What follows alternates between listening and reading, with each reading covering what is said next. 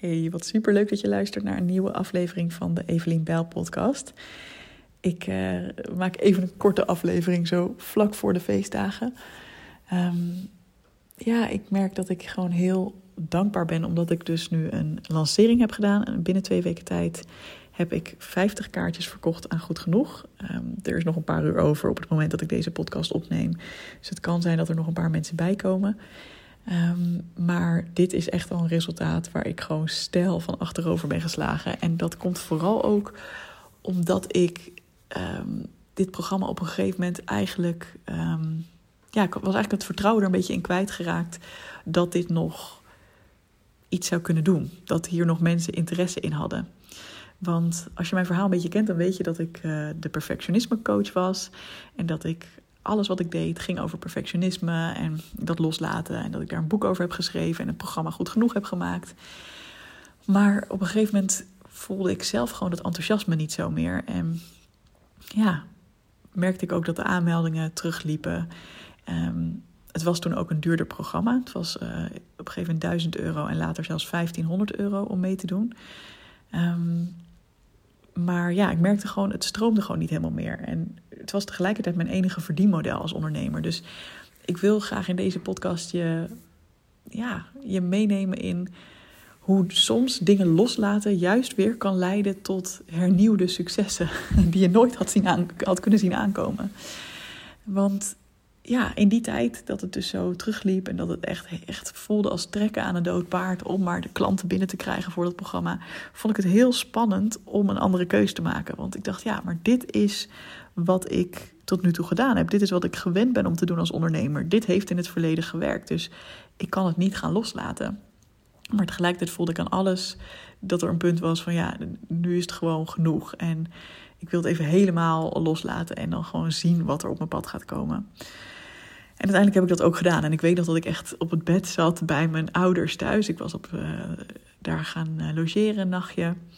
En ik zat daar en ik dacht, ja, ik ga stoppen. En mijn moeder kwam eh, bij me, het was ochtend. En ik zei, mam, ik ga hiermee stoppen. En zei zo, oh echt? Oh joh, wat spannend. Maar ik was er ook een soort van excited over. Ik dacht ook van, ja, ik heb geen idee wat hiervoor in de plaats gaat komen. Maar het is goed zo. En uh, mijn vader zei nog iets van, oh, zou je dat nou wel doen? En uh, die vond het ook wel spannend, wat ik ook echt goed snap.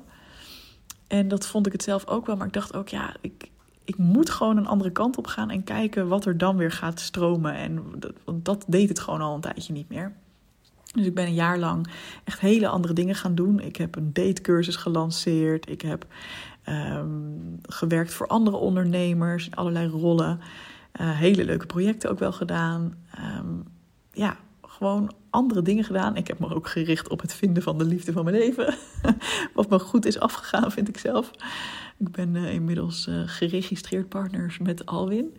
En we zijn nu anderhalf jaar verder. En ja, een aantal maanden geleden voelde ik weer dat het ging stromen. Toen heb ik dus mijn Perfectionisme Coach Academie gelanceerd. Omdat ik voelde van ja, dit is op een heel ander level met uh, perfectionisme bezig zijn. Namelijk het hebben over hoe kun je mensen daarmee helpen. En dat vind ik gewoon waanzinnig leuk. En het, mijn energie stroomt echt sinds ik dat doe. Ik heb gewoon meteen 21 fantastische deelnemers aan dit programma gekregen. En ja, die mensen zijn ook zo lekker bezig. Er ontstaan zulke toffe samenwerkingen. Dus als je dat interessant vindt, kom alsjeblieft in het komende jaar binnen de Perfectionisme Coach Academie. Um, maar ja, het stroomde gewoon weer. En ik heb er zoveel plezier in mijn werk. Juist dus doordat ik een tijdje iets heel anders mocht doen en dit kon ontstaan.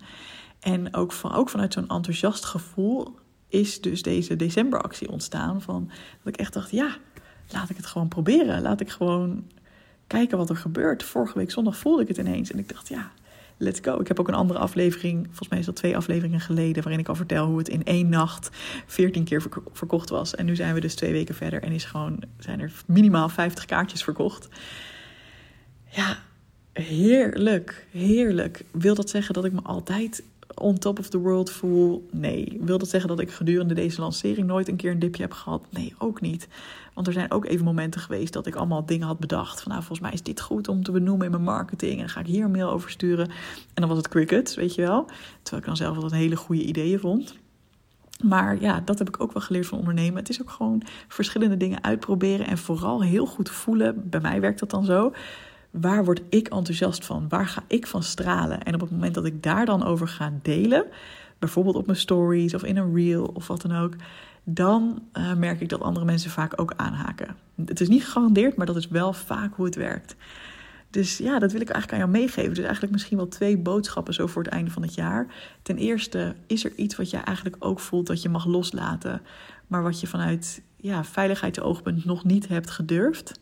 En voel je nu in je van ja, het is eigenlijk wel tijd. En ik weet eigenlijk wel dat het beter is, ook al weet ik nog niet precies waar ik dan in terecht kom. En het tweede is, waar voel jij juist wel vonkjes voor? Ook al is het onlogisch. Hè? Ik bedoel, ik had ook kunnen denken, ja goed genoeg, dat heb ik al heel lang geprobeerd hè, te verkopen. En op een gegeven moment wilde dat helemaal niet meer. Nou is het natuurlijk ook gewoon slim dat ik nu 147 euro ervoor vraag. En normaal is het nu zelfstudie met, voor 247 euro. En ik heb nu een deal dan dat mensen nog 100 euro extra korting krijgen tijdens deze decemberactie. Um, normaal zitten er geen coachings, calls meer bij, maar nu zitten er drie Q&A's bij. Weet je, dus tuurlijk, ik heb slimme dingen gedaan in de marketing uh, en, uh, en dat soort zaken. Maar toch 50 mensen. 50 mensen hebben besloten om op een knop te drukken en geld naar mij over te maken en willen graag van me leren op dit gebied. Dat betekent dus dat dit onderwerp helemaal niet dood is. Verre van dat. dat ik dacht ook niet dat perfectionisme dood was hoor, maar het was voor mij gewoon minder levendig. En ja, dus het was niet per se logisch om dit misschien te gaan lanceren. Uh, ik ben eigenlijk me nu juist veel meer op die coaches en ondernemers aan te richten. Of mensen die coach willen worden met mijn Perfectionisme Coach Academie. Maar ik dacht, ja, het voelt alsof ik hier echt heel veel zin in heb. En dat is dus de tweede vraag aan jou. Is er iets in jou dat ook een beetje kriebelt en waar je zin in hebt?